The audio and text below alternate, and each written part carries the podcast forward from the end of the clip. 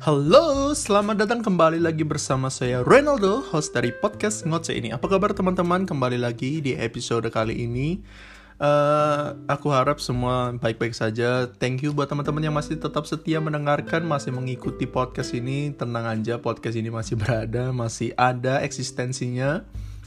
Walaupun tidak apa ya, mungkin belum bisa berjanji lagi untuk bisa rutin dua kali seminggu tapi I'm trying my best. Paling enggak satu kali seminggu ada konten. Kalau nggak salah kayaknya minggu lalu ya terakhir itu aku bahas tentang brotherhood di NBA uh, di episode kali ini uh, aku pengen apa ya kayak ada satu bahasan atau satu tema yang tiba-tiba muncul di kepala. Jadi mungkin teman-teman ini sedikit aja ya sedikit intermezzo. Buat teman-teman yang mungkin mengikuti podcast ini dari awal ngoceh ini kan sebenarnya base nya kan dari ocehan ocehanku sendiri. Dan ya isinya juga munculnya juga tiba-tiba. Maksudnya aku lagi resah apa lagi kepikiran apa. Eh kayaknya butuh deh atau kayaknya seru nih aku ngobrolin aku share sama teman-teman yang mendengarkan. Jadi aku buat dan kali ini aku ada satu satu hal yang aku pengen share yaitu tentang uh, aku mungkin kasih judulnya ini ini yang judul juga buat podcastnya ya. Yaitu produsen, konsumen, dan regulator. Yang dimaksudkan adalah maksudnya aku pengen bahas dari sini maksudnya adalah kalau kita bicara sedikit ya ini ini bukan aku mencoba menggurui tapi ini uh, cuma sekedar dari pandanganku aja tentang tiga hal ini yang sebenarnya berkaitan juga dan sebenarnya juga akhir-akhir ini juga lagi cukup bermasalah cukup bermasalah dengan keadaan sekitar yang dimaksud adalah selalu kadang kita suka menyalahkan produsen misalkan suka selalu kita menyalahkan kok menjual barang-barang seperti itu sih? Istilahnya kok menawarkan barang-barang seperti itu sih? Produsen kan gak harus menghasilkan barang tapi juga menghasilkan jasa atau dia perform sesuatu. Pokoknya dia menjual sesuatu kan. Atau dia mempresent sesuatu yang nanti akhirnya dimakan sama orang yang dibeli sama orang atau dinikmati sama orang. Dan kadang kita suka menyal menyalahkan produsennya itu yang membuat barang-barang yang gak bagus bahkan. Bahkan nggak cuma nggak bagus bahkan bisa memberi efek buruk buat buat buat orang istilahnya. Tetapi yang harus yang menurut aku yang yang yang kayaknya kita lupa itu kenapa kita nyalainnya produsen ya istilahnya. Karena produsen itu nggak bisa disalahin menurut aku. Karena kalau kita teman-teman tahu ibarat ada gula ada semut. Ada gula ada semut. Semut itu ibarat kita adalah produsen gula itu ya pasarnya atau konsumennya. Selama ada gula, ya pasti di situ ada semut dong. Kita nggak bisa mm, bilang ke semut atau kita nggak bisa ngomongin semut atau kita bisa mencegah atau mengedukasi dalam tanda kutip si semut-semut ini tuh nggak datang selama kalau di situ ada gula kan. Cara yang kita bisa lakukan adalah ya membersihkan gula itu, membuang gula itu secara nggak langsung semut-semut itu akan pergi-pergi sendiri karena selama ada gula, ibaratnya semut itu apa ya? Mungkin ya cuma beberapa doang yang punya iman teguh, ibaratnya yang ngeliat gula, wah oh, itu bukan makanan saya, nggak bagus. Tapi kan nggak semua kan. Tapi karena mayoritas ya di situ melihat gula, di situ ada uangnya, ya mau nggak mau mereka akan datang. Jadi sebenarnya yang harus bisa diubah itu sebenarnya konsumennya sih menurut aku konsumennya itu yang akhirnya menentukan akan ada produsennya nggak nih ada sesuatu yang menghasilkan nggak ada yang sesuatu yang menjual nggak sih di sini? Karena kalau kita bicara sesuatu misalkan uh, layak atau nggak layak diperjualbelikan atau dipertontonkan atau ditaruh di market itu di pasar itu satu variabel yang nggak bisa diubah ya produsen kayak tadi bilang yang kita bisa ubah ya konsumen atau regulatornya ini. Misal, misalkan regulator yang yang bergerak nih, misalkan contoh misalkan gini deh, narkoba. Narkoba atau barang-barang yang terlarang, obat-obat terlarang. Itu kalau nggak ada regulasi kan tentunya semua orang pengen dong pakai itu. Karena misalkan contoh kopi, kopi itu digunakan untuk memberi energi misalkan kalau kita ngantuk, kita kita lemah atau letih lesu tapi di satu hal di satu sisi kita masih punya banyak kerjaan. Makanya orang butuh kopi supaya dia seger. Bayangin ada obat tertentu yang cuma satu tenggakan pil yang buat kita langsung 100% atau 180 derajat dalam sekejap bisa seger. Kan pasti semua orang mau kan? Konsumen itu nggak bisa nggak bisa membatasi diri untuk nggak ambil obat itu. Ketika nggak ada larangan konsumen butuh banget sama itu ya terutama otomatis ada gula di situ semut akan datang produsen akan menghasil, me, menjual mendistribusikan obat-obatan itu. Walaupun kita tahu semua bahwa obat-obatan itu punya efek negatif yang sangat buruk.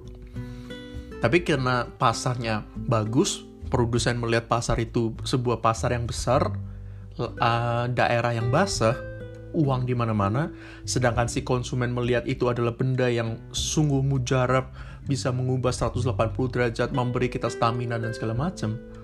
Jadi kedua sisi memang susah untuk di untuk kita bisa batasi.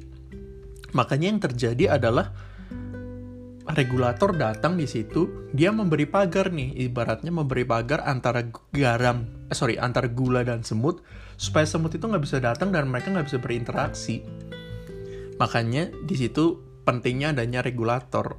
Tetapi permasalahannya kan nggak semua hal regulator itu atau dalam dalam hal ini mungkin bisa dibilang pemerintahan ya atau badan-badan tertentu bisa semuanya memberi pagar kan.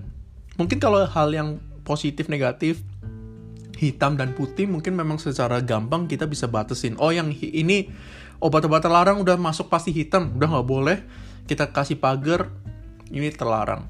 Tapi kan banyak hal yang yang sebenarnya memberi efek negatif, tapi itu masih di area abu-abu dan regulator nggak bisa tuh masuk di situ. Misalkan contoh rokok atau tayangan-tayangan yang mungkin orang bilang nggak mendidik, yang nggak bisa kasih value, atau mungkin yang yang sama yang memberi benar-benar memberi pengaruh buruk sama orang. Um, di situ kan regulator nggak bisa memberi batasan, oh kamu nggak boleh menanyakan ini, kamu nggak boleh ini dan segala macamnya itu, karena itu masuknya sebenarnya ya area abu-abu. Dan dari situ pertanyaannya adalah terus gimana dong? Seperti pertanyaan yang tadi gimana dong supaya kita terbebas semua dari obat-obatan terlarang? Ya regulator datang di situ membuat sebuah undang-undang yang membuat akhirnya rantai itu terputus sehingga obat terlarang nggak ada. Selalu bagaimana dong misalkan dengan misalkan yang hal-hal seperti ini nih? Misalkan kayak rokok kayak tayangan-tayangan yang nggak mendidik dan segala macam gimana dong kita bisa menghilangkan pengaruh-pengaruh buruk itu dan kita tahu juga bahwa sebenarnya itu ada di area abu-abu yang regulator nggak bisa nih secara bebas datang uh, ada di tengah-tengah mereka untuk buat pagar. Dan pertanyaannya kan sekarang ini akhir-akhir ini kan suka disalahkan adalah itunya kan apa? Produsennya kan konten kreatornya atau penjualnya dan segala macamnya. Kan yang selalu disalahkan adalah mereka-mereka ini ayo dong membuat tayangan yang mendidik. Ayo dong tayang membuat yang ini segala macam itu balik lagi seperti yang kata di di awal aku mungkin bilang ya yaitu kita nggak bisa mengubah produsen. Karena di situ masih ada gula selama ada gula mungkin cuma beberapa orang deh yang punya idealisme oh aku harus memberi tayangan-tayangan membuat konten-konten yang mendidik yang yang gak memberi pengaruh buruk dan segala macam tapi selama ada konsumennya ya industri itu akan terus berjalan contoh contoh nih misalkan industri pornografi. Akan terus berjalan selama ada produ ada sorry ada konsumennya kan? Selama ada penikmatnya selama ada orang yang selalu visit websitenya atau industri prostitusi selama ada orang yang datang um, menikmati itu dan segala macam ya akan selamanya ada. Karena semut itu akan datang selama ada ada gula. Makanya yang tadi kita bilang teorinya adalah ya menghilangkan gulanya ini. Makanya kita nggak bisa, kalau menurut aku ya, menurut aku kita nggak bisa sih menyalahkan misalkan youtuber-youtuber atau konten-konten kreator untuk untuk bilang ke mereka stop buat konten-konten yang nggak berguna, konten-konten yang punya pengaruh buruk atau yang konten-konten yang yang nggak berdidik dan segala macam. Mulailah buat konten-konten yang berkualitas agak susah karena pasarnya masih ada. Makanya yang harus kita ubah sebenarnya yaitu konsumennya sendiri.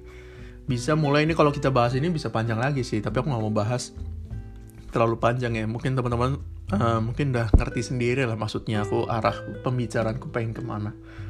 Ya itu diubah konsumennya diubah misalkan dari pendidikannya dari pola berpikirnya mereka sehingga akhirnya mereka berpikir aduh ini konten nggak bagus nih. Aduh ini rokok ini nggak bagus nih karena mengganggu kesehatan dan segala macam oh ini aku nggak mau uh, nonton atau di, dihibur dengan tontonan-tontonan yang cuma memperkaya atau sorry mem mempertunjukkan uh, kekayaan cuma tentang keluarganya mereka atau tentang prank-prank yang nggak jelas, prank-prank yang membahayakan, prank-prank yang yang sampah istilahnya. Jadi akhirnya ketika akhirnya ketika mereka punya sense of humor misalkan mereka punya uh, apa ya punya aduh istilahnya apa aku I lost the word. Punya kesenangan mungkin ya atau punya idola yang berbeda mereka oh ini jokeku yang menurut aku lucu ini di sini nih istilahnya. Sense humorku itu adalah ketika melihat orang ini ini nih misalkan melihat karya ini bukan melihat orang memamerkan kekayaannya bukan ketika melihat orang jatuh ditarik kursinya. Ketika bukan melihat orang di prank sampah misalkan akhirnya ketika mereka semua sudah bisa terbalik itu kan otomatis gula itu mulai lama-lama hilang ya secara nggak langsung kan si produsennya kan minggir sendiri. Lebaran nih industri pornografi ya, ketika nggak ada orang lagi yang nonton pornografi misalkan walaupun ya ini sebuah kondisi yang nggak mungkin, percaya lama-lama kan industri kan hilang sendiri kan. Kita lihatlah banyak hal misalkan apa kalau zaman sekarang nih misalkan uh, misalkan dulu nih misalkan mulai banyak yang uh, ketika zamannya matcha atau teh hijau yang semua segala macam dibuat teh hijau, green tea, rasa green tea dan segala macam. Akhirnya muncul banyak orang yang berjualan eh, makanan-makanan yang macam-macam pakai green tea, mulai banyak itu atau kopi nih sekarang kan banyak sekarang kedai kopi tuh udah udah bertebaran di mana-mana. Tapi nanti suatu hari nih kayak contoh misalkan green tea ketika trennya turun semua orang nggak ada yang suka, semua orang udah mulai bosen ya kan secara nggak langsung kan industrinya kan mati sendiri karena akan berjatuhan sendiri sendiri. Makanya ya itu bisa diimplementasikan hingga TLD juga. Itu sih menurut aku tentang tiga hal itu produsen regulator dan konsumen. Uh, yang harusnya tentunya yang paling bisa yang paling berdampak penuh ya harusnya si konsumen. Produsen nggak bisa diubah sorry, uh, susah. Regulator itu cuma bisa cuma hitam putih ketika di area abu-abu agak susah yang makanya harus diubah adalah konsumennya kita kita ini uh, mulai dari banyak hal sih tadi banyak yang aku mungkin bisa panjang banget ya tapi contohnya misalnya dari segi pendidikan dan segala macam pengetahuan dan segala macam itu menurut aku menurut teman-teman gimana tentang tiga hal ini bisa di-sharekan ke teman-teman kalian. Thank you ya teman-teman sudah mendengarkan. Sampai jumpa di episode-episode selanjutnya. Uh, thank you buat dukungannya, terus support terus. Sampai jumpa di episode berikutnya. Sampai jumpa, stay healthy.